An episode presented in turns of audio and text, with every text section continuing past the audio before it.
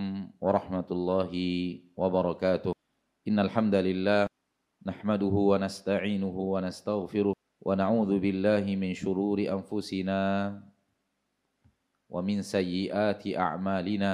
من يهده الله فلا مضل له ومن يضلل فلا هادي له أشهد أن لا إله إلا الله وحده لا شريك له وأشهد أن محمدا عبده ورسوله صلى الله عليه وعلى آله وأصحابه ومن تبعهم بإحسان إلى يوم الدين وسلم تسليما كثيرا. يا أيها الذين آمنوا اتقوا الله حق تقاته. ولا تموتن إلا وأنتم مسلمون. يا أيها الناس اتقوا ربكم الذي خلقكم من نفس واحدة وخلق منها زوجها وبث منهما رجالا كثيرا ونساء. واتقوا الله الذي تساءلون به والأرحام. إن الله كان عليكم رقيباً. يا أيها الذين آمنوا اتقوا الله وقولوا قولا سديدا يصلح لكم أعمالكم ويغفر لكم ذنوبكم ومن يطع الله ورسوله فقد فاز فوزا عظيما. أما بعد فإن أصدق الحديث كتاب الله وخير الهدي هدي محمد صلى الله عليه وسلم وشر الأمور محدثاتها فإن كل محدثة بدعة وكل بدعة ضلالة وكل ضلالة في النار. معاشر المسلمين معاشر المسلمات الحاضرين والحاضرات المشاهدين والمشاهدات para pemirsa di mana pun antum berada, rahimani wa rahimakumullah. Bersyukur kita kepada Allah tabaraka wa ta'ala, Rabb yang maha pengasih, lagi maha penyayang, yang telah mengasihi dan menyayangi kita, melebihi kasih sayang yang pernah diberikan oleh kedua orang tua kita kepada kita. Rasul kita Muhammad sallallahu alaihi wasallam bersabda di dalam hadis yang sahih yang diriwayatkan oleh Imam Al-Bukhari dari Anas bin Malik radhiyallahu taala anhu Rasulullah SAW bersabda Lallahu arhamu bi'ibadihi min hadhihi biwaladiha Sungguh Allah lebih menyayangi hamba-hambanya lebih daripada sayang wanita seorang ibu kepada anak. Hadis riwayat Imam Al-Bukhari. Dan apabila kita melihat sebuah rumah tangga, maka curahan kasih sayang kepada seorang anak akan berlebih dari ibunya dibanding bapak. Curahan perhatian akan berlebih dari ibu kepada anaknya dibanding dari ayah kepada anaknya. Maka manakala dikatakan Allah lebih sayang kepada hambanya, melebihi kasih seorang ibu kepada anaknya berarti ayahnya juga. Karena disebut sesuatu yang lebih tinggi daripada kasih sayang ayah.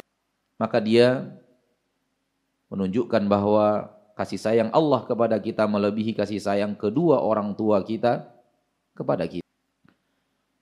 Salawat dan salam kepada Nabi kita tercinta, Rasul kita yang mulia, suri tauladan kita Nabi Muhammad sallallahu alaihi wasallam yang melalui beliau Allah mengajarkan kepada kita agama yang hak. Seorang muslim, seorang muslimah wajib menanamkan sebuah keyakinan yang kuat di dalam dadanya, menanamkan keyakinan yang benar-benar kokoh di dalam hatinya bahwa dia tidak akan bisa mengetahui agama Allah kecuali melalui jalan Rasul Allah sallallahu alaihi wasallam. Camkan ini baik-baik tanamkan ini dalam-dalam dan orang yang ini tumbuh kuat di dalam dadanya, insya Allah selamat dari beraneka ragam kesalahan beragama yang bersumber dari lemahnya keyakinan akan poin yang tadi kita sampaikan. Sehingga orang menganggap sesuatu yang dia anggap benar adalah agama. Lalu dia kerjakan dengan keyakinan itu adalah agama. Padahal hanya dari anggapan dia saja, tidak bersumber dari Rasulullah sallallahu alaihi wasallam. Atau dia bertanya kepada orang yang dia anggap berilmu, dia anggap memiliki ilmu agama dan orang itu mengatakan, "Ya, itu baik dan benar tanpa dalil." tanpa keterangan yang jelas dari dari Rasulullah sallallahu alaihi wasallam. Lalu dia ikuti orang tersebut murni karena orang ini dianggap ustadz. Walau dia tidak membawa dalil sedikit pun dari Al-Quran atau hadis dari Nabi Muhammad sallallahu alaihi wasallam, maka orang ini juga terjerumus ke dalam hal yang sama. Dia mengikuti sesuatu yang bukan dari Nabi Muhammad sallallahu alaihi wasallam. Ketahuilah bahwa kalau kita ingin beragama dengan agama yang hak, wajib agama yang kita pelajari itu benar-benar bersumber dari Nabi kita tercinta Muhammad sallallahu alaihi wasallam. Kalau ataupun kita bertanya kepada seorang ustadz, bukan pendapat ustadznya. Kalau kita bertanya kepada seorang ahli ilmu, bukan pendapat ahli ilmunya. Kalau kita bertanya kepada seorang yang kita anggap ulama, bukan pendapat ulamanya. Namun yang kita tanyakan kepada mereka, bagaimana Rasul mengajarkan masalah ini.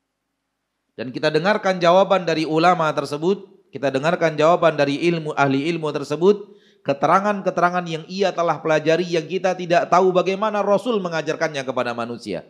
Itu baru ilmu. Semoga Allah tabaraka taala menanamkan di dalam hati kita akidah yang kuat di dalam poin ini. Bahkan manakala kita membaca sebahagian biografi atau sebahagian perbuatan manusia, kita terheran-heran. Manusia menganggap sesuatu yang remeh sebagai kebenaran padahal tidak ada keterangan sedikit pun dari Rasul kita Muhammad sallallahu alaihi wasallam.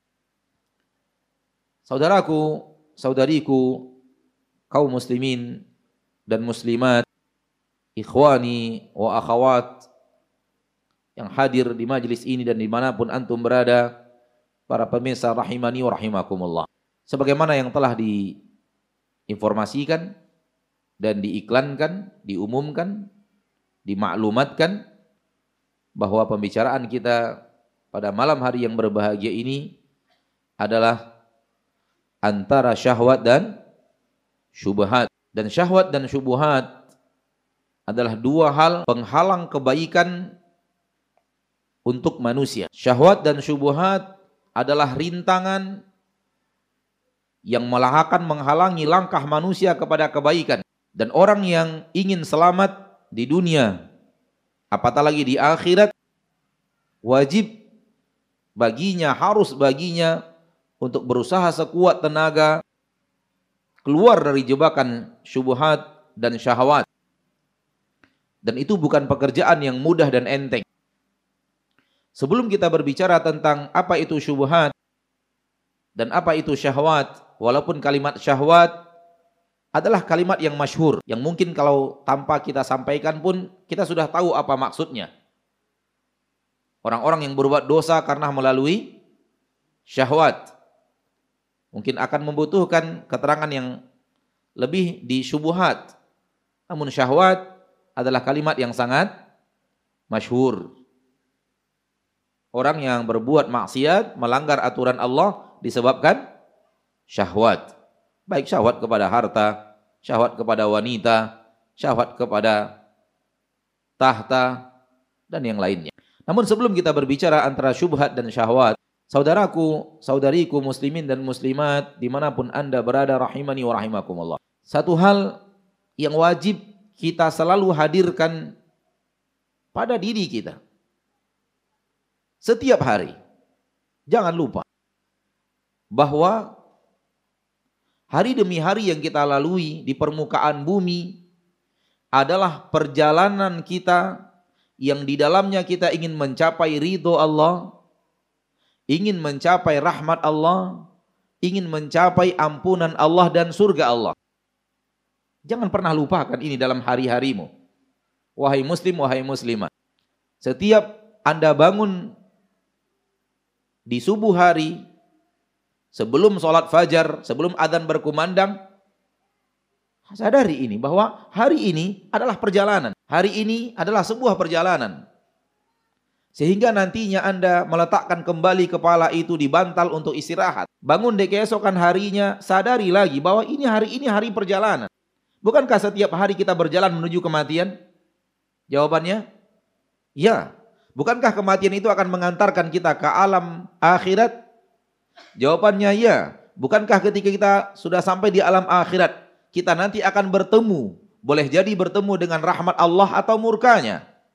Boleh jadi bertemu dengan neraka Allah atau surganya. Betul atau tidak? Maka setiap hari adalah perjalanan. Setiap hari adalah safar.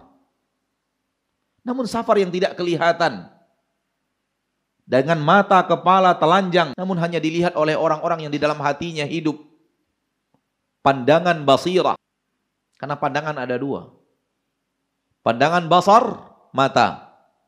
Pandangan hati, basirah. Dan orang-orang yang memiliki basirah, mereka selalu menghadirkan bahwa hari demi hari yang dia lalui adalah perjalanan.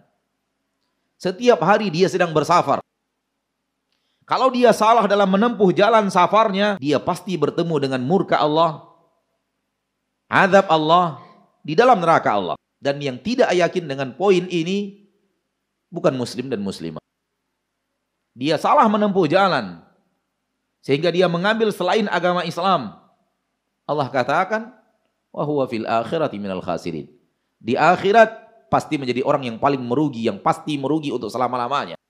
Dia telah menempuh agama Islam tapi tidak serius mengikuti dan mencontoh Rasulullah sallallahu alaihi wasallam pun terancam dengan neraka.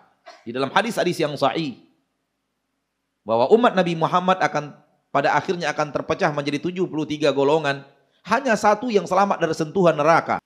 Maka telah masuk Islam pun bukanlah jaminan seorang muslim selamat dari sentuhan neraka Allah. Nauzubillah min dzalik. Semoga Allah jauhkan jasad kita dari neraka. Masih ada ancaman neraka walau Anda seorang muslim dan muslimah. Walau kita seorang muslim dan muslimah, maka orang yang tidak menyadari dan tidak me, me, me, menghayati dan tidak menanamkan di dalam hati bahwa hari demi harinya adalah safar menuju rahmat Allah, menuju ridho Allah, menuju surga Allah sangat mudah diambil oleh iblis untuk dimasukkan ke dalam jalan menuju murka Allah, menuju azab Allah dan neraka Allah. Lihatlah hari Anda yang dipenuhi maksiat. Biografi belakang. Anda bisa pastikan bahwa di hari-hari itu Anda tidak merasa diri Anda sedang orang yang sedang berjalan menuju surga Allah. Anda lalai atau dilalaikan oleh iblis dan bala tentaranya. Namun seorang muslim, seorang muslimah selalu harinya Inna salati wa nusuki wa mahyaya wa mamati lillah. Lillahi rabbil alamin. Manakala ini sudah kuat dan kokoh di dalam hati bahwa hari demi hari yang kita lalui adalah waktu demi waktu yang di dalamnya kita bertempur untuk menuju ridho Allah. Ketahuilah bahwa untuk menggapai ridho Allah itu kita harus siapkan dua bekal yang sangat teramat penting yang tidak bisa tidak. Berapa bekal? Dua, enggak banyak. Dua bekal. Tampaknya kita tidak bisa mencapai ridho Allah. Atau kesulitan luar biasa untuk sampai kepada ridho Allah. Bekal yang pertama adalah berilmu tentang jalan yang akan menyampaikan kita kepada ridho Allah dan rahmatnya dan surga. Bekal yang pertama adalah bekal ilmu. Ilmu tentang jalan yang akan mengantarkan kita kepada rahmat Allah itu. Karena untuk sampai kepada rahmat Allah, kita tidak disuruh mencari jalan sendiri-sendiri. Dan Allah telah utus Rasul-Rasulnya untuk menerangkan kepada manusia mana jalan itu. Allah berfirman tentang Nabi Muhammad SAW di dalam Al-Quran, wa innaka latahdi ila siratim mustaqim. Sesungguhnya engkau wahai Nabi, wahai Rasul, benar-benar telah mengajarkan kepada manusia jalan yang lurus. Tidak hanya sekedar mengajarkan kepada manusia jalan yang lurus, Rasul juga dikatakan oleh Allah telah mempraktekkan jalan yang lurus itu dalam kehidupan beliau sehingga beliau layak untuk dicontoh, wajib untuk dicontoh. Allah berfirman bahwa Rasul sudah berada di atas jalan yang lurus di dalam surat Yasin. Inna kalaminal mursalin ala ala ala sirati mustaqim. Masih hafal surat Yasin? Masih. Masih ada bekas-bekas lama gitu. Inna kalaminal mursalin engkau benar-benar termasuk di antara utusan-utusan Allah yang telah Allah utus kepada manusia. Bukan engkau saja, masih banyak yang lainnya. Engkau salah satu di antaranya ala siratim mustaqim. Engkau wahai Nabi di atas jalan yang lurus. Maka orang yang ingin sampai kepada rahmat Allah dan dan ridho Allah dan surga Allah harus tahu jalan yang akan dia tempuh yang mana. Tanpa dia belajar jalan yang menuju ridho Allah, sulit baginya untuk sampai kepada ridho Allah atau mungkin tidak pernah sampai, tidak akan pernah sampai kepada ridho Allah. Bagaimana mungkin akan berjalan orang yang yang jahil tentang jalan? Antum mau bawa mobil dari sini ke Papua, sementara antum tidak tahu jalannya. Bagaimana caranya? Dan tidak ada penunjuk jalan. Jahil awam. Antum mengambil sebuah kapal, lalu pergi ke lautan bebas, ke samudra, tanpa ada ilmu untuk menentukan arah. Ke mana antum akan bawa kapal itu? Itulah dia ke kegelapan jahil kegelapan kebodohan dan ilmu yang Allah turunkan kepada Nabi Muhammad sallallahu alaihi wasallam yang Nabi Muhammad ajarkan kepada manusia itulah dia cahaya itulah dia cahaya dengan cahaya orang tahu dia harus ke mana apa yang harus dia ambil apa yang harus dia tinggalkan ke mana dia harus berjalan dengan ilmu yang Allah turunkan kepada Nabi Muhammad itulah dia namanya petunjuk Allah menurunkan kepada Nabi Muhammad al-huda petunjuk Allah turunkan Al-Quran sebagai hudan linnas petunjuk yang menentukan arah jalan. Maka bekal pertama, kalau kita ingin sampai kepada rahmat Allah, ridho Allah dan surga Allah semua kita, semoga semua kita sampai di sana. Tahu apa? Ilmu tentang jalan. Bekal yang kedua, setelah berilmu dan tahu tentang jalan itu, bekal yang kedua adalah berjalan di jalan itu. Singkatnya, bekal yang kedua adalah amal. Apa itu amal? Anda berjalan di atas ilmu yang telah Anda ketahui bahwa itu adalah jalan. Maka Anda sampai di tujuan. Dengan dua bekal ini Anda sampai di tujuan. Pertama, Anda tahu jalannya. Yang kedua, hah, berjalan. Kalau berjalan saja tidak tahu ilmunya, nyasar. Kalau tahu ilmunya, tak jalan-jalan, tak sampai. Agama ini agama yang sangat mudah difahami. Karena agama ini datang dari Allah. Dan Allah telah menciptakan agama ini sesuai dengan fitrah manusia. Dan Allah ciptakan agama ini, Allah turunkan agama ini untuk seluruh manusia dengan segala lapis intelektual, kecerdasan. Sehingga sangat mudah untuk difahami. Orang yang ingin sampai kepada sebuah tujuan, dan tujuan kita adalah rahmat Allah, ridho Allah, surga Allah. Harus tahu jalannya menuju rahmat dan ridho dan surga itu. Tidak mungkin dengan kebodohan. Maka di sini pentingnya berilmu. Pentingnya menuntut ilmu dan menimba ilmu. Agar kita tahu mana jalan yang akan mengantarkan kita kepada tujuan kita itu. Setelah kita tahu jalan, bekal berikutnya ya berjalan. Ingin sampai berjalan di sana. Bekal yang pertama disebut ilmu dan bekal kedua disebut amal. Maka agama Islam yang hak adalah agama yang berdiri di atas ilmu yang benar dan amal yang benar. Agama Islam yang hak adalah sebuah agama yang berdiri di atas ilmu yang hak dan amal yang hak. Apa ilmu yang hak? Ilmu yang hak adalah ilmu yang bersumber dari Allah dan Rasulnya. Apa amal yang hak? Amal yang hak adalah amal yang berjalan di atas ilmu yang hak.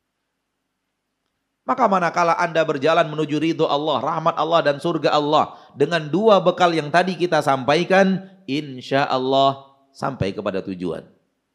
Kita mengatakan insya Allah bukan karena ragu.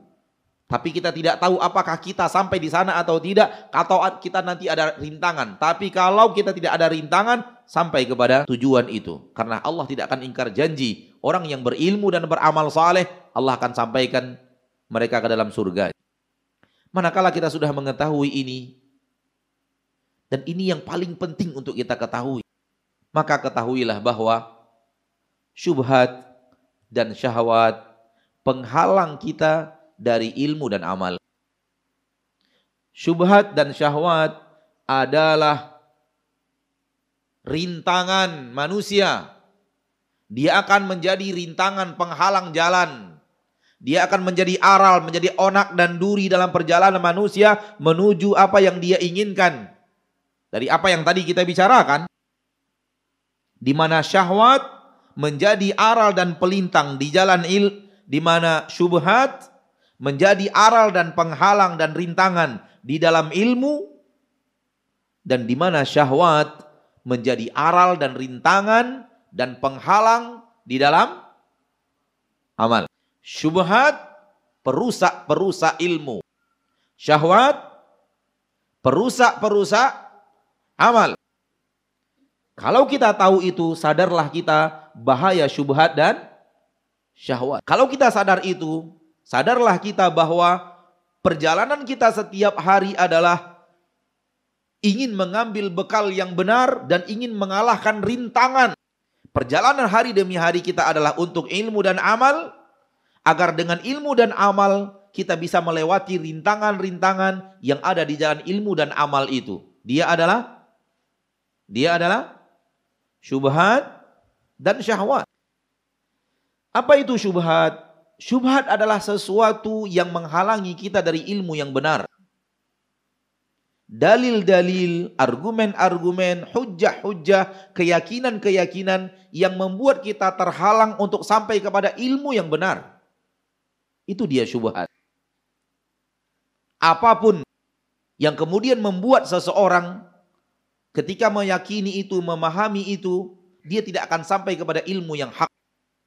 Sehingga orang tertutup untuk sampai kepada bekal pertama. Itulah yang disebut dengan syubhat. Tadi kata-kata shin, ba, ha bermakna samar-samar. Sesuatu yang samar-samar gak jelas.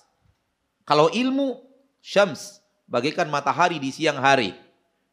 Nabi mengatakan agama ini Agama yang saya tinggalkan kalian di dalamnya, agama yang saya tinggalkan kepada kalian ini bagaikan sebuah jalan yang malamnya saja bagaikan siang. Itulah agama yang hak, agama yang jelas. Ilmu itu akan hadir di dalamnya sesuatu yang sangat jelas, sesuatu yang sangat yakin, tak pakai samar-samar. Kalau dia ilmu yang hak, pasti keterangannya jelas. Pasti dalilnya jelas dan tegas. Pasti keterangan dari hadisnya jelas.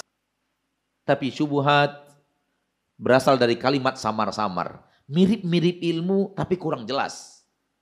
Namun orang yang kurang peduli menganggap itu adalah ilmu. Akhirnya dia berjalan di atas jalan syubhat itu karena dia menganggap itulah ilmu yang hak padahal ilmu yang salah. Bukan ilmu yang hak. Akhirnya tak sampai tujuan. Dan syaitan sangat ingin menjerumuskan manusia kepada syubhat. Karena kalau setan berhasil menjerumuskan manusia kepada syubhat, otomatis amalnya salah. Karena kalau jalannya sudah salah, nyasar. Antum pernah pakai Google? Ternyata Google-nya macet.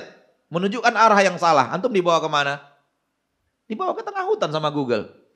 Saking percaya sama Google, ternyata salah, sedang salah Google-nya. Akhirnya antum nyasar. Karena Google-nya bukan bukan Google yang hak, Google yang batil. Demikian halnya dengan agama. Kalau agama yang Anda pelajari bukan agama yang hak, agama yang batil, Anda nyasar. Akhirnya tidak sampai kepada tujuan. Kita ambil satu dan dua contoh. Mudah-mudahan setelahnya kita bisa kembangkan dengan aneka ragam contoh berikutnya. Namun lihat. Di dalam Al-Quran, surat Al-An'am, Allah tabaraka wa ta'ala Rabbul Izzati wal Jalalah mengatakan, memerintahkan Nabi Muhammad SAW untuk mengatakan kepada manusia, wa anna hadha sirati mustaqima. Fattabi'u.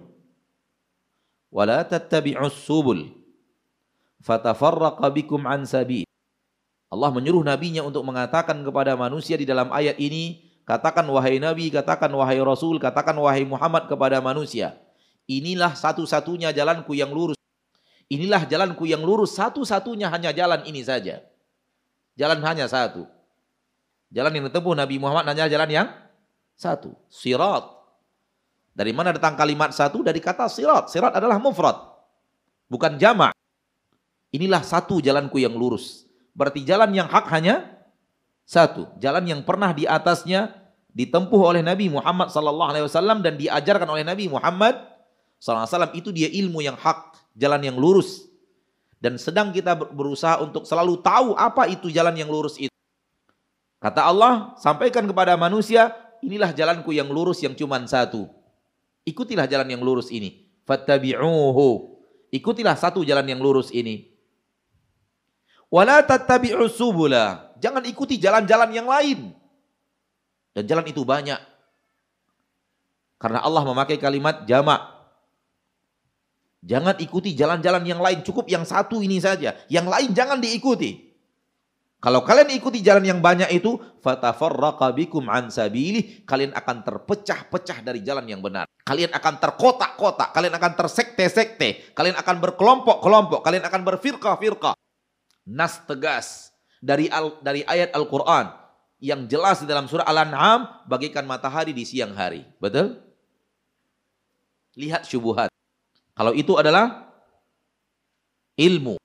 Kita harus menghindari jalan apa pun kita hanya boleh mengikuti satu jalan saja. Jalannya Nabi Nabi Muhammad sallallahu alaihi wasallam. Kalau ataupun kita bertanya kepada seorang guru agar guru itu menunjukkan kepada kita mana jalan Nabi Muhammad. Kalau kita bertanya kepada seorang alim ulama untuk agar alim ulama itu mengajarkan kepada kita mana jalan Nabi Muhammad, bukan jalan guru itu yang harus kita ikuti. Bedakan dua hal yang sangat berbeda. Ada jalan guru, ada jalan Nabi Muhammad. Seorang yang ingin belajar ilmu yang hak, dia berguru agar gurunya mengajarkan kepadanya yang mana jalan Nabi Muhammad. Sallallahu alaihi wasallam. Karena dia diperintahkan oleh Allah dalam surat Al-An'am ini hanya satu jalan itu yang boleh dia ikuti. Ini ilmu yang hak, jelas, tegas. Nampak dia bagaikan matahari di siang hari? Nampak? Nampak jelasnya? Nampak yakinnya? Dengarkan syubuhat. Saya dengarkan dari orang yang belajar dari seorang guru yang mengajarkan kepadanya syubhat. Yang mana syubhat ini merintangi dia untuk sampai kepada ilmu yang benar ini. Kata gurunya, dan itu adalah syubhat, jangan diikuti. Anda tidak ingin mengajarkan kepada antum syubhat, hanya contoh saja. Paham maksudnya? Yang anak akan utarakan ini batil, untuk dijauhi. Bukan untuk di diyakini. Untuk diketahui bahwa dia batil. Dengarkan syubuhat. Kata sahabat kita itu, dari gurunya yang mengajarkan kepadanya syubuhat. Kata gurunya, yang penting kamu ingin sampai di jalan yang satu. Jalan mana pun yang kamu pilih silakan. Nanti kita bertemu di jalan yang satu. Silakan pilih jalan yang mana saja. Cara beribadah bisa beraneka ragam. Kamu pilih jalan guru ini, mau pilih jalan guru itu, torikoh guru ini, torikoh guru itu, ada tarikat guru ini, tarikat guru itu. Ikuti saja, nggak apa-apa. Mana pun jalan yang kamu tempuh, asal niat kamu ingin menuju Allah, nanti kita akan bertemu di jalan yang satu. Paham? Nampak? Nampak bedanya? Allah mengatakan di dalam Al-Quran, ikuti jalan yang satu, jalan ikuti jalan yang lain. Gurunya mengatakan, ikuti jalan sembarang yang kamu mau pilih yang mana. Terserah kamu pilih yang jalan yang mana. Jalan banyak. Pilih jalan yang mana. Kalau niat kamu untuk Allah, kamu akan bertemu dengan Allah nanti. Bertemu juga di ujungnya. Nanti di ujung kita ketemu. Lihat, yang satu mengajak kepada hak, satu mengajak kepada batil. Bayangkan sekiranya syubhat ini masuk di dalam otak murid dan menjadi keyakinan di dalam hatinya, apa yang akan terjadi pada dirinya? Apa pun yang dia anggap benar akan dia kerjakan. Yang penting niatnya ikhlas. Yang penting bagi dia niat. Jalan nggak penting. Yang penting niat. Niat saya ingin mencari ridho Allah dan surga Allah. Kalau ataupun akhirnya ada sesuatu yang berbeda dengan apa yang diajarkan Rasul, kata dia yang penting niat. Niat saya untuk mencari ridho Allah, saya akan sampai kepada ridho Allah itu. Jalan nggak perlu. Lihat bagaimana satunya adalah petunjuk, satunya adalah kesesatan. Contoh yang kedua. Dan waktu azan pun sudah masuk. Tapi kita ambil contoh yang kedua ini setelah itu kita berhenti dan kita lanjutkan setelah sholat isya biiznillahi azza Contoh yang kedua, ilmu yang hak adalah kata Nabi kita tercinta SAW dalam hadis yang sahih. Aku tinggalkan kepada kalian dua perkara. Kalau kalian berpegang teguh dengan dua perkara itu, kalian tidak akan pernah sesat untuk selama-lamanya kitab Allah wa sunnati. Yang ku tinggalkan kepada kalian adalah kitabullah dan sunnahku. Pegang tegurus. Pegang kuat sunnah itu, kalian tidak akan pernah tersesat untuk selama-lamanya. Ini ilmu yang hak, hadisnya sahih dari Nabi SAW dan riwayat yang sangat banyak. Dan ini ilmu. Berarti kalau ingin selamat dari kesesatan, caranya adalah yang diajarkan Rasul adalah berpegang teguh dengan Al-Quran dan sunnah. Ada di dalam Al-Quran dan sunnah berarti agama, tidak ada di dalam Al-Quran dan sunnah berarti tidak agama. Pegang kuat-kuat itu, jalani itu. Tak peduli apa kata manusia, kamu akan selamat daripada kesesatan kata Nabi. Ini ilmu. Ini jalan Rasul kita tercinta Muhammad sallallahu alaihi wasallam. Dengarkan syubhat. Sekali lagi ini untuk Anda sampaikan untuk menerangkan kebatilannya, bukan untuk diyakini. Seorang ber, menyampaikan kepada kita bahwa dia belajar dari gurunya yang mengajarkan syubhat ini kepadanya. Dan orangnya sampai sekarang masih hidup, tinggal di Pekanbaru. Kata gurunya, orang kalau beragama hanya pegang Al-Quran dan hadis sesat. Antum nampak yang ilmu mengarahkan ke mana, yang syubhat mengarahkan ke mana? Jelas 180 derajat berbeda. Kata Nabi kita tercinta SAW, kalau ingin tidak sesat, kalau ingin selamat daripada sesat, pegang teguh Al-Quran dan hadis. Mereka mengatakan kalau kamu hanya berpegang teguh Al-Quran dan hadis sesat. Bayangkan kalau syubhat-syubhat seperti ini masuk di dalam hati seorang manusia. Masuk di dalam pola fikir seorang manusia. Dia akan menganggap agamanya tidak peduli Al-Quran, tidak peduli hadis. Karena kalau berpegang Al-Quran dan hadis kita bisa sesat. Ada lain, satu yang lain yang petunjuk. Padahal yang lain yang selain Al-Quran hadis itu, itulah kesesatan. Yang akan dianggap petunjuk olehnya melalui syubhat yang dimasukkan oleh guru. Maka jangan kira syubhat itu enteng. Dia bisa membolak-balikkan cara Anda berpikir. Tahukah Anda di zaman kita sekarang ini, sudah ada yang mengatakan zina jalan untuk mendekatkan diri kepada Allah? Tahukah Anda di zaman kita yang sekarang ini, sudah ada orang yang mengatakan mengkafirkan para sahabat jalan untuk mendekatkan diri kepada Allah? Dari mana datangnya? Tahukah Anda di zaman kita sekarang ini ada orang mengatakan sholat tidak wajib? Tahukah Anda di zaman kita sekarang ini ada orang yang mengatakan sholat itu hanya tiga sehari semalam bukan lima? Dari mana datang semua ini? Dari syubhat. Sesuatu yang bukan ilmu yang dianggap ilmu dan diyakini sebagai ilmu. Padahal bukan ilmu. Insya Allah kita lanjutkan setelah sholat isya berjamaah. Wa sallallahu wasallam wa baraka wa wa rasulihi Muhammad. Alhamdulillahi والصلاة والسلام على أشرف الأنبياء وعلى آله وأصحابه. أشهد أن لا إله إلا الله وحده لا شريك له وأشهد أن محمدا عبده ورسوله. وصلى الله عليه على آله وأصحابه ومن تدل كثيرا وبعد. إخواني وأخواتي الحاضرين والحاضرات أنتم برادا رحمني wa Di dalam Al-Quran, Allah memuji para nabi dan rasul dengan mengatakan bahwa mereka adalah orang-orang yang kuat dan memiliki pandangan yang tajam. Allah berfirman di dalam Al-Quran surat Sad ayat ke-40. Di mana di dalam ayat ini Allah menyebut para nabi dan rasul. Wadhkur ibadana Ibrahim wa Ishaq wa Ya'qub ulil aidi wal Abasar. dan ingatlah hamba-hamba kami Ibrahim, Ishaq dan Yakub sallallahu alaihi wasallam mereka-mereka ini ulil aidi punya kekuatan wal Abasar punya pandangan yang tajam. Kekuatan yang dimaksud adalah kuat dalam beribadah. Bekal yang pertama atau yang kedua? Yang kedua. Kuat dalam beribadah. Kuat dalam beramal. Semangat dalam berjalan. Tidak cukup sampai di situ. Mereka juga punya abosor.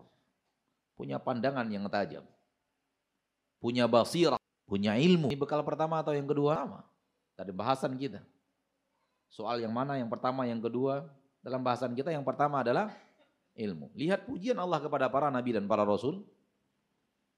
Ilmu yang ada pada mereka, pandangan mereka yang benar, basirah mereka yang sehat, benar, cara sudut pandang mereka yang tidak salah, punya kekuatan di sana, punya kekuatan pemahaman sampai di situ. Mereka juga kuat dalam mengamalkan. Jadilah mereka manusia-manusia terdepan dalam dekatnya mereka kepada Allah dalam dapatnya mereka rahmat Allah, dapatnya mereka ridho Allah dan surga Allah Subhanahu wa taala karena mereka benar-benar memiliki bekal yang sangat kuat. Kuat di dalam ilmu dan kuat di dalam amal. Kata para ahli tafsir, makna ayat adalah bahwa mereka adalah orang-orang yang memiliki kekuatan dalam beribadah dan memiliki basirah yang sangat jeli di dalam ilmu. Ini dikatakan oleh Ali bin Talha, Ali bin Abi Talha dari Abdullah bin Abbas. Ini juga yang dikatakan oleh Imam Al-Mujahid dan Imam Qatadah dan Imam As-Sud. Qatadah mengatakan, Imam Mujahid mengatakan ulil abidi maksudnya adalah orang yang sangat kuat dalam ketaatan mereka kepada Allah. Kuat dalam taat, kekuatan ketaatan mereka luar biasa kepada Allah. Al-absar al-basara fil haq. Mampu mengetahui mana yang benar. Satunya adalah amal, satunya adalah adalah. Kembali kita kepada bahasan yang kita tadi berhenti darinya. Padanya yaitu syubhat. Yang akan membuat orang salah berilmu. Dan sudah kita katakan tadi sebelum kita mengakhiri menutup kajian kita bahwa syaitan sangat ingin memasukkan manusia ke dalam syubhat. Karena secara otomatis dia akan salah dalam beramal. Kalau ilmunya salah, mustahil amalnya benar. Ilmunya saja sudah. Jalan yang diajarkan bukan jalan yang benar, tidak akan sampai ke tujuan. Oleh karena itu, kenapa syaitan sangat rakus, sangat tamak, sangat ingin mencemplungkan manusia ke dalam syurga. Karena kalau ilmunya sudah salah, amalnya pasti keliru. Sehingga dia dapat kedua-duanya. Nanti sedikit kita akan bicarakan pada saat kesalahan ada pada amal, bukan pada ilmu. Itu ada pada bab syahwat. Lihatlah orang yang sekarang mengkafirkan seluruh manusia selain kelompok dia. Haram bagi kita untuk mengkafirkan sembarang orang. Tak boleh mengkafir-kafirkan orang sembarangan, serampak. Namun ada sekelompok orang mengatakan yang bukan kelompok kami bukan muslim. Dan mereka punya hadis-hadisnya, punya dalil-dalilnya yang mereka bawakan sebagai bentuk hujah dan argumen akan apa yang mereka katakan. Salah satunya hadis Nabi yang sahih. Man mata walaysa fi unuqihi bai'ah mata maitatan jahiliyah. Barang siapa yang wafat yang di lehernya tidak ada bayat, wafatnya mati jahiliyah. Maka kamu harus berbaiat supaya kamu matinya tidak jahiliyah. Karena kamu tidak berbaiat dan kamu kemudian mati dalam keadaan tidak berbaiat, kami yakin kamu matinya jahiliyah. Oleh karena itu kamu adalah orang kafir karena engkau mati tidak berbaiat. Kami yang berbaiat. Maka kami matinya tidak. Ini batil ya, jangan difahami. Ini batil dalam memahami hadis. Ini syubhat. Salah dalam memahami ilmu. Di mana letak salahnya? Letak salahnya adalah dia mengklaim bayat yang ada di dalam hadis adalah bayat untuk gurunya. Siapa yang mengatakan bahwa bayat yang ada dalam hadis itu untuk gurumu? Wahai anda yang membacakan hadis ini dan dengannya anda mengkafirkan manusia. Kenapa engkau ambil hadis itu dan engkau yakin bahwa bayat yang dikatakan Nabi ini adalah bayat untuk gurumu yang kamu bayat? Faham letak kelirunya? Letak salah ilmunya, faham? Rasul tidak mengatakan gurumu. Kalau Rasul sebut nama gurumu, Lalu Nabi mengatakan yang tidak bayat kepada fulan berarti mati jahiliyah. Kita ternyata makna hadis diterangkan oleh para ulama muhaddithin, para para pakar ilmu hadis.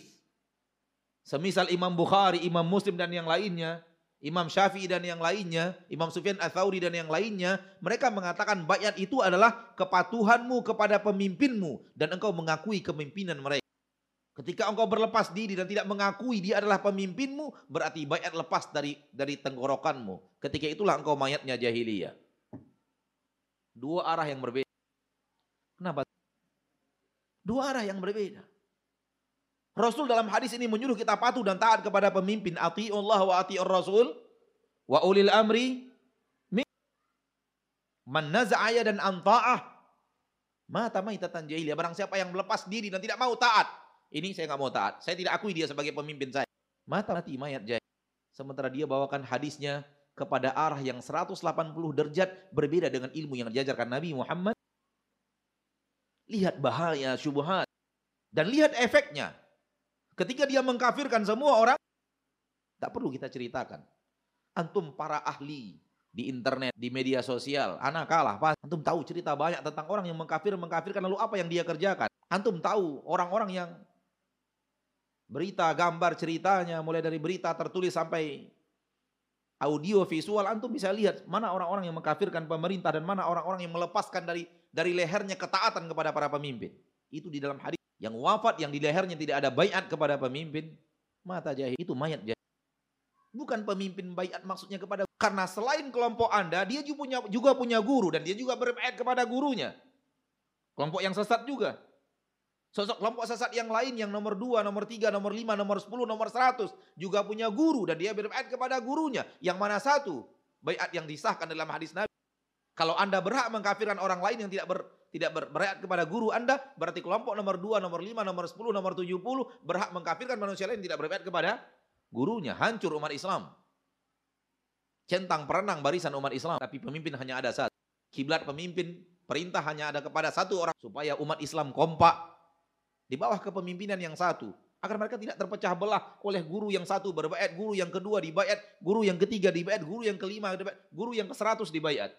Yang mana satu yang tapi hanya satu supaya umat Islam pun tidak terpecah-pecah. Ketika pemimpin itu menyampaikan yang benar wajib taat.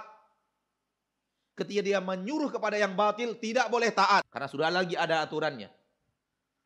La ta'ata fi maksiatillah. Tidak boleh taat kalau itu perbuatan maksiat kepada Allah. Innama ta'atu fil ma'ruf. Ketaatan kepada pemimpin hanya dalam perkara yang ma'ruf. Perkara yang diizinkan oleh syariat. Apa yang diperintahkan pemimpin tidak bertolak belakang dengan syariat, wajib patuh dan taat. Tapi kalau yang dia perintahkan kepada kita sesuatu yang bertolak belakang dengan syariat dalam perintah yang satu itu, yang kedua itu yang kita tahu itu bertabrakan dengan syariat, nggak nggak wajib patuh dan taat. Karena wajib patuh dan taatnya kepada Allah. Ini maksud hadis. Ini maksud ayat-ayat Allah, ini maksud hadis-hadis Rasulullah soal ketaatan kepada pemimpin. Bukan guru. Namun anaknya ingin memberikan gambaran bahwa syubhat berbahaya. Syubhat berbahaya.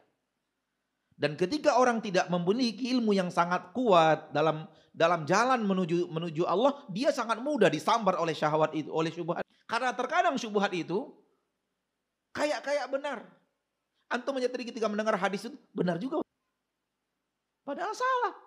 Salah bukan hadisnya, maknanya yang dia bawakan salah. Hadis mustahil salah. Tapi maknanya dia memaknai, dia mentafsirkan, dia mensyarah hadis itu salah. Sehingga lari maknanya 180 derajat.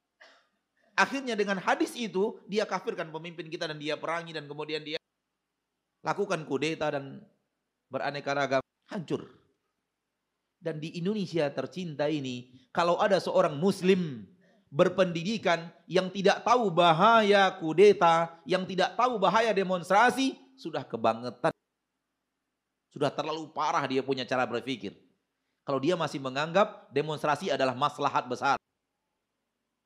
Kalau dia sampai sekarang belum juga faham bahwa demonstrasi adalah mafsadat besar, kebanget. Semenjak demonstrasi besar-besaran dari tahun 90 sekian sampai sekarang berubah ke arah kebaikan Indonesia atau bertambah parah, Bertambah maju atau bertambah terpuruk? Buah dari apa? Lihat bahaya syubhat. Dia menghancurkan negara yang besar yang dulu disegani. Dia menghancurkan tata negara yang sangat dulu baik. Porak-porak. Lihat ilmu. Kalau berpegang dengan apa yang diajarkan Nabi Sallallahu Alaihi Wasallam, salam. Dan pola syubuhat adalah menjauhkan manusia dari jalan yang lurus supaya manusia tidak ikut jalan yang lurus. Dan yang membuatnya syaitan semakin bersemangat adalah orang yang seperti ini biasanya, biasanya, mayoritas tidak kembali ke jalan. Tidak semuanya, tapi banyak. Kenapa?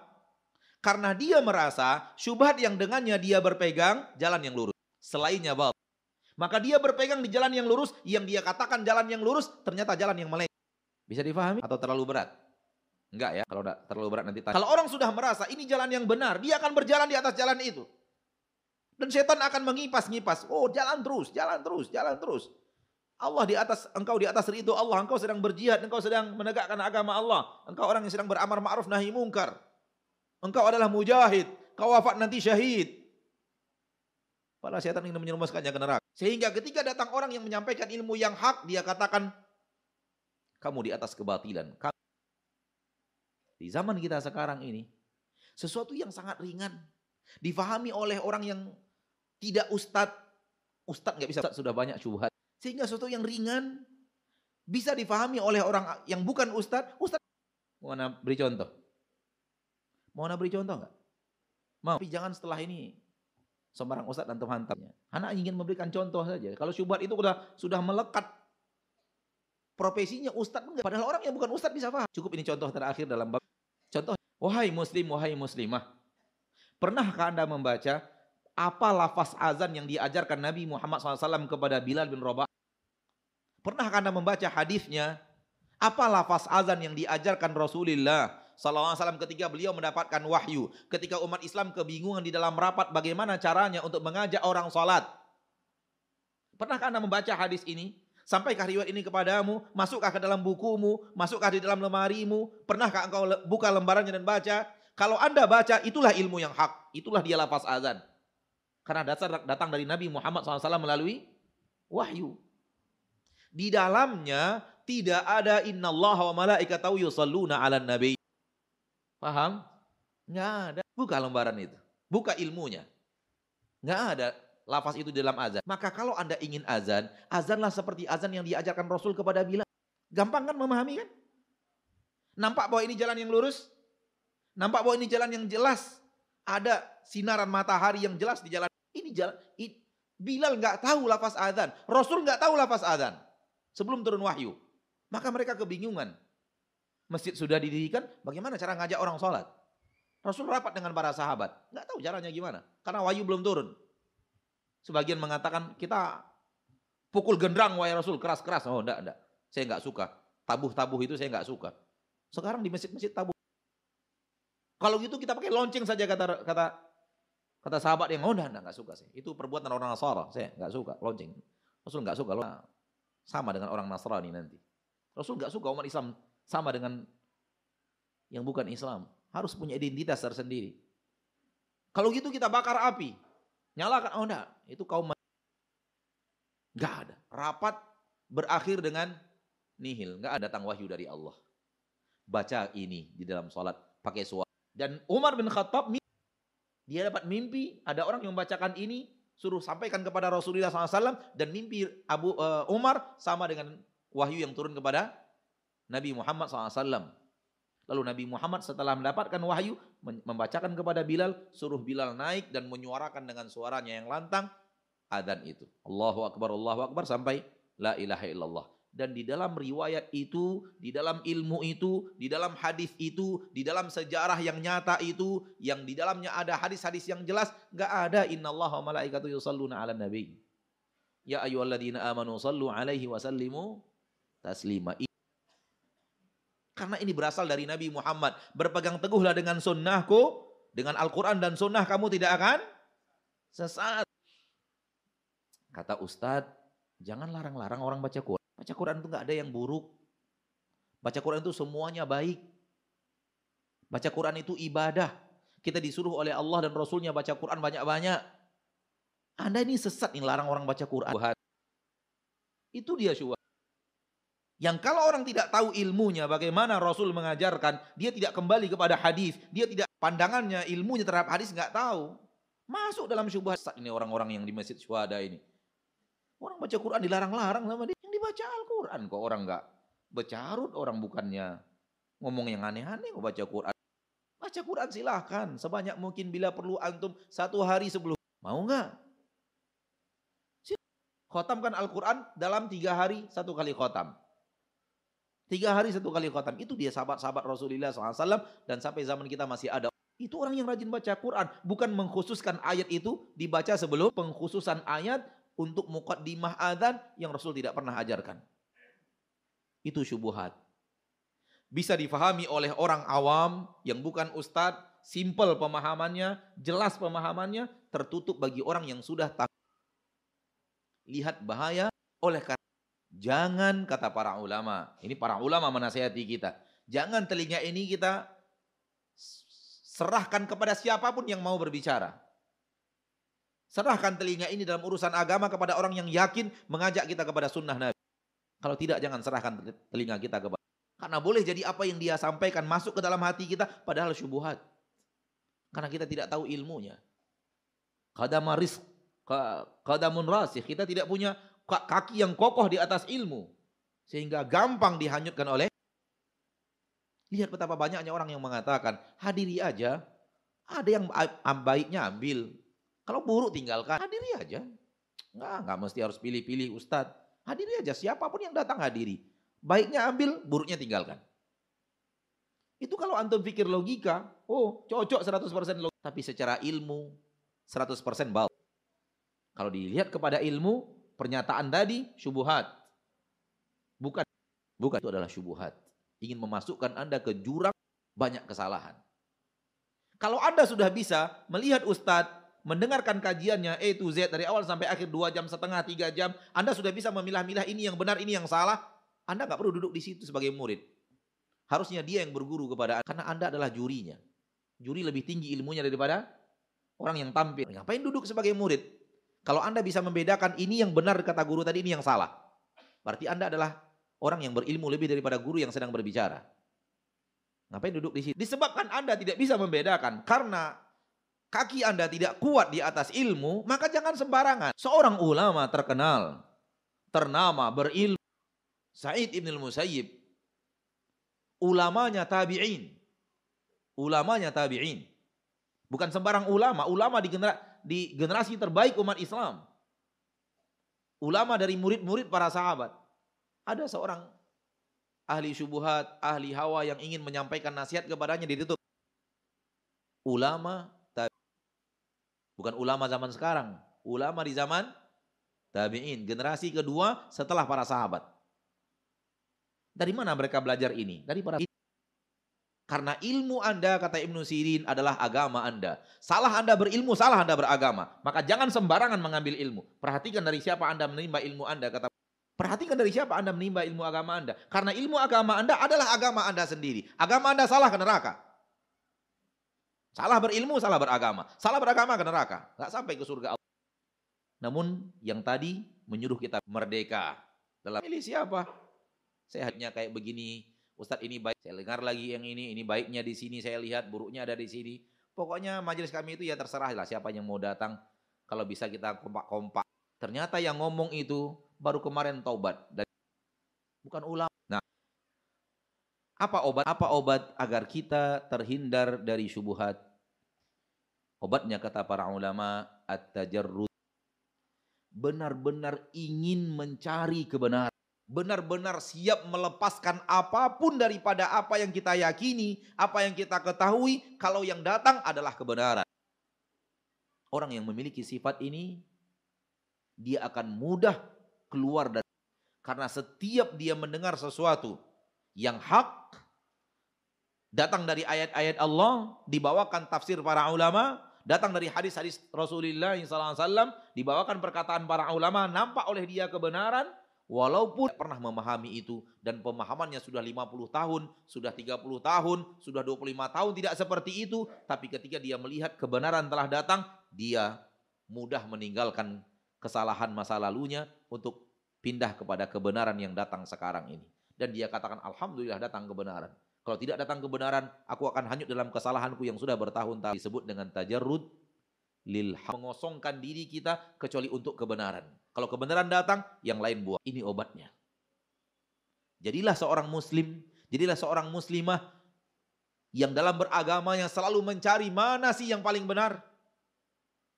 Supaya yang ada ini kalau kurang benar dibenarkan lagi. Hal yang batil adalah mengatakan semua yang ada pada saya semuanya sudah benar. Selain saya salah.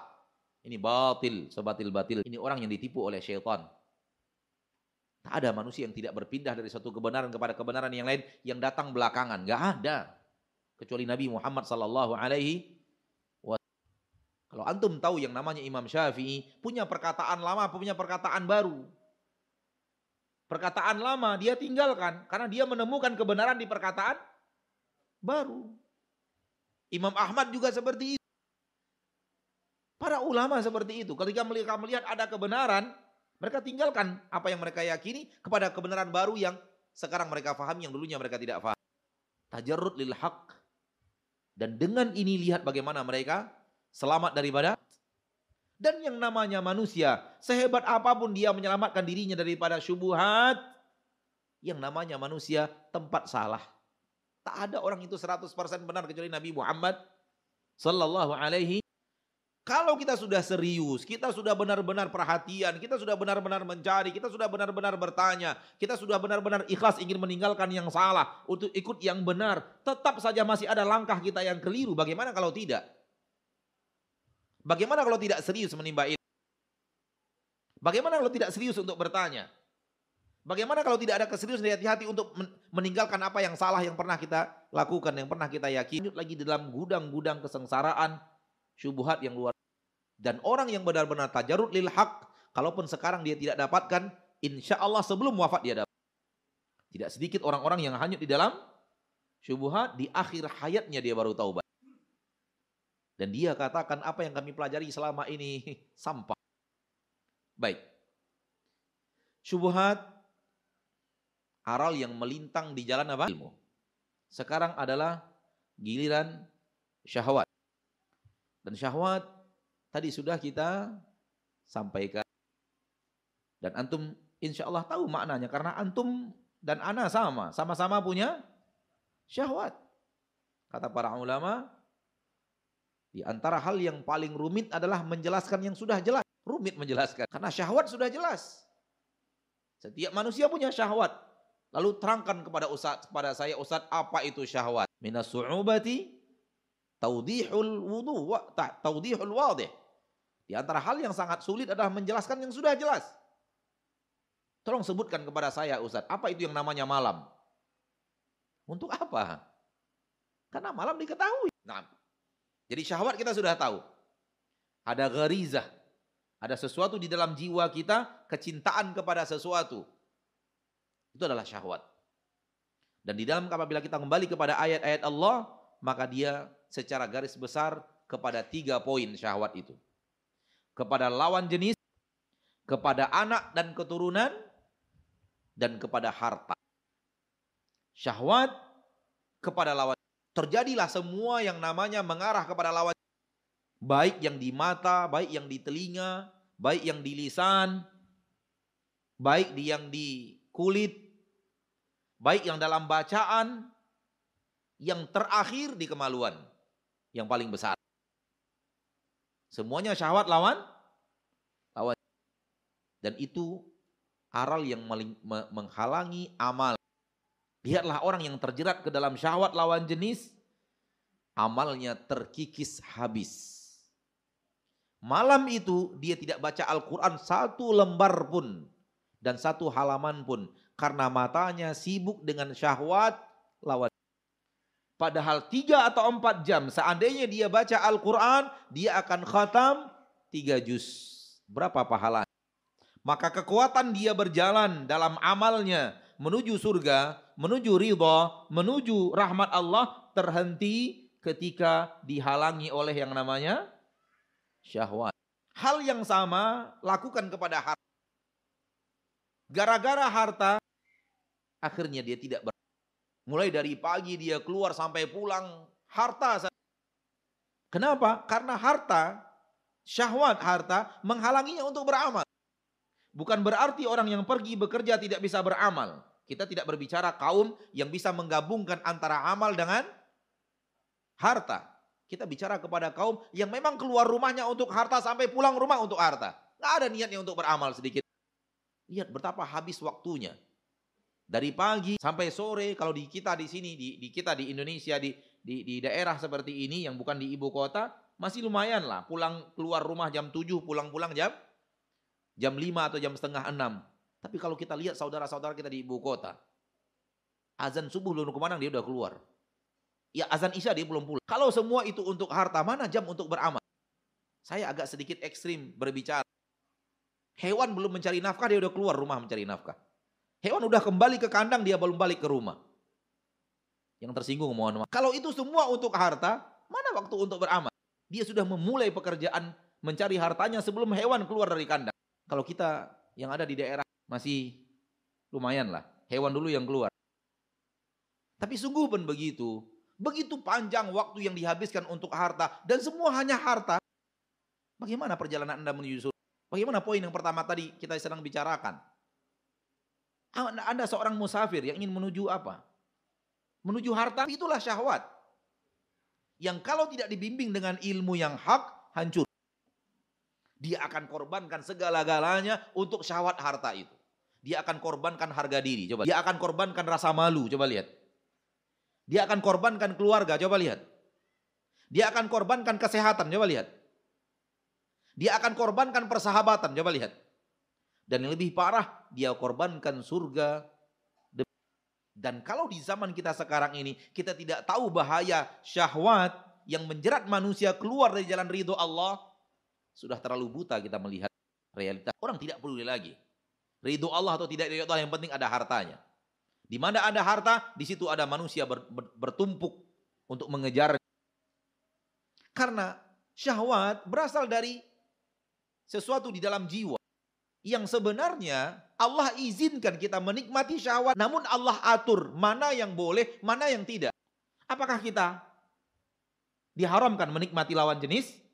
Jawabannya tidak. Tapi ada ada aturannya. Nikahlah seorang wanita, nikahi. Masih kurang Ustadz, nikah lagi. Masih boleh? Halal? Soal bertengkar nantilah. Soal halal dulu yang penting. Daripada kemudian menikmati dengan cara yang haram tanpa bertengkar, diam-diam. Dan tidak sedikit manusia yang menganggap itu jalan yang terbaik. Yang penting tidak ketahuan. Salah cara. Dua masih nggak sanggup, masih syawat itu belum bisa terbendung. Allah masih izinkan. Jadi tiga. Ternyata masih luar biasa. Agen madu rupanya. Tiap hari minum madu satu gelas. Tiga wanita belum cukup. Masih diizinkan? Masih halal empat? Empat nggak cukup Ustaz. Masih boleh yang kelima? Hah? Menikmati wanita yang kelima boleh secara syariat? Kurang ilmu antum. Boleh. Budak perempuan. Namun sayangnya di sini nggak ada budak. Jangan berpikir itu di sini. Dulu di zaman Rasul masih ada budak perempuan. Dan budak perempuan boleh dilampiaskan syahwat kepada Antum anak maklum jarang bicara budak-budak kan? Tapi masih boleh wanita yang kelima, wanita yang keenam, wanita yang ketujuh. Kalau kita kembali kepada aturan syariat. Artinya syahwat bukan sesuatu yang harga mati nggak boleh dijalankan. Boleh. Namun ada aturannya yang Allah turun.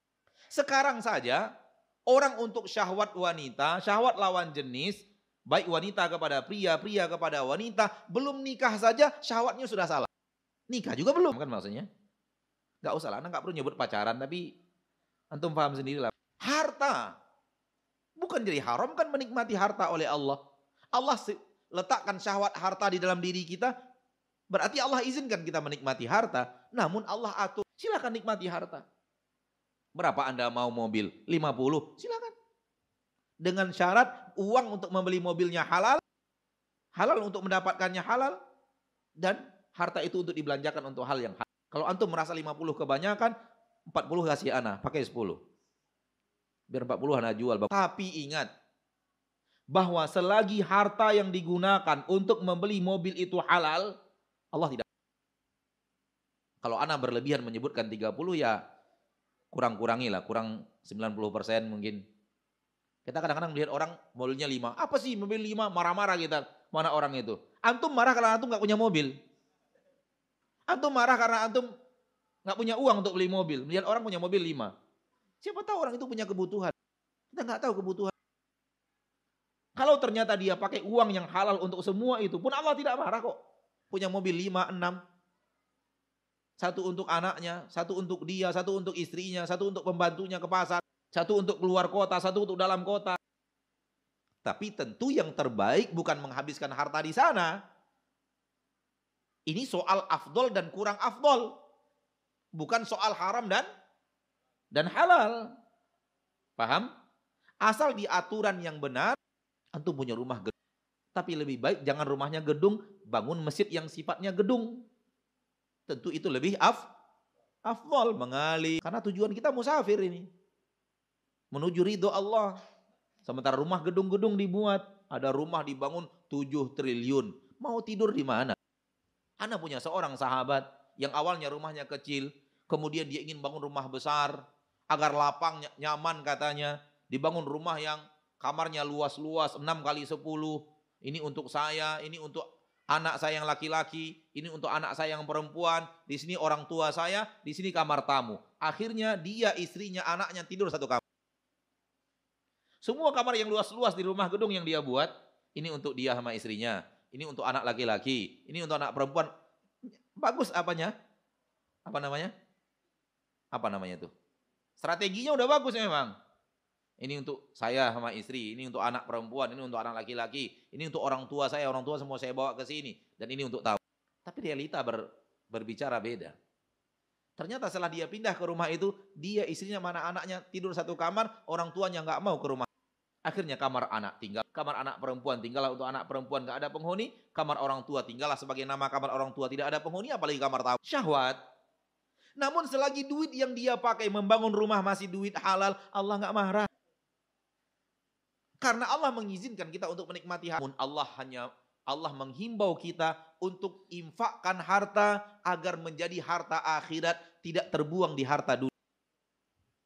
Namun syaitan menggoda kita untuk menggunakan syahwat agar kita pergunakan untuk hal yang dilarang secara syariat. Allah goda.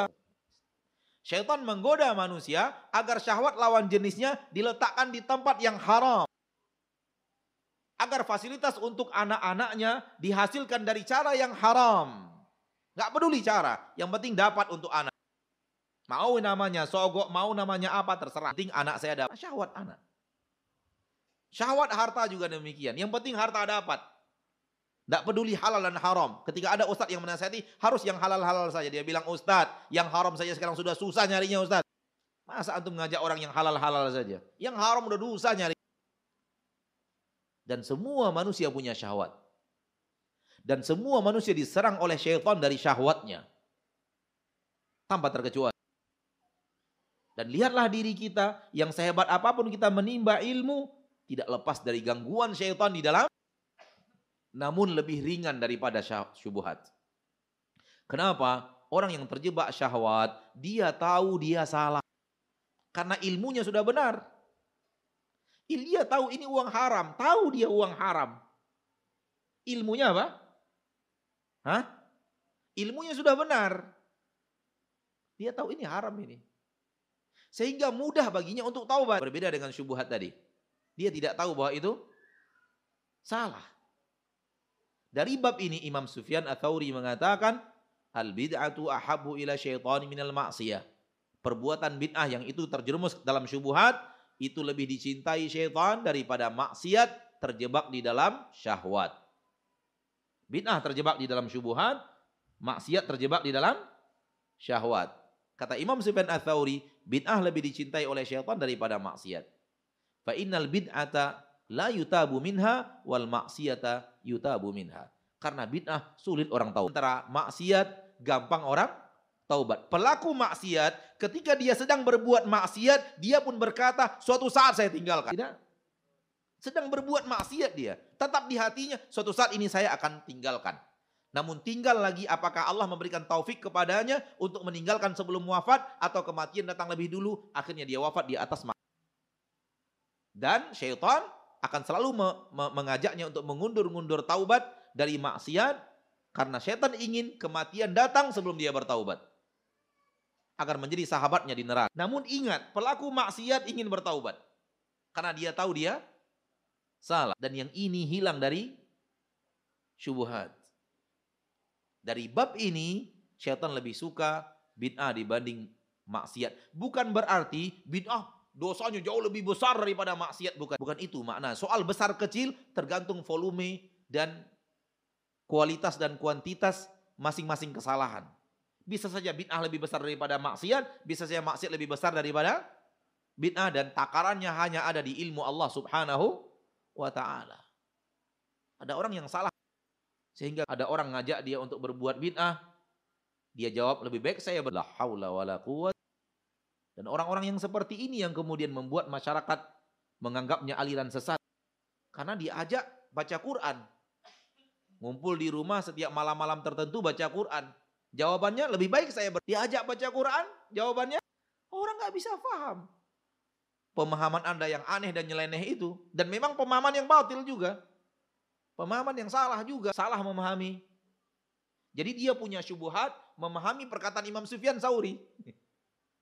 Pemahamannya terhadap Imam Sufyan Sauri, perkataan Imam Sufyan Sauri, sudah ada syubuhatnya juga. Sehingga dengan serampang, wajar kalau masjid ente dibakar orang. Wajar kalau ente dikatakan aliran sesat, kalau memang itu cara berbicara dengan masya, masyarakat. Orang tidak akan bisa paham ya akhi. Zina lebih baik daripada membaca Al-Quran. Bukan itu maksudnya. Pelaku bid'ah sulit untuk tobat karena dia merasa di atas kebenaran. Dan untuk melumpuhkannya itu butuh yang ahli untuk melumpuhkan itu. Sementara maksiat tidak. Tak butuh orang yang ngomong semuanya nak demi kamu. Tahu ibunya dia salah. Yang nasihati anaknya nggak perlu. Karena pelaku maksiat pun ketika sedang berbuat maksiat dia sadar dia salah. Dari sisi inilah kenapa orang mudah taubat dari maksiat. Dari sisi inilah perkataan Imam Sufyan. Ada satu surat di dalam Al-Quran. Anak ingin bertanya kepada antum dan anak berharap ada yang bisa menjawabnya dan membacakan surat itu.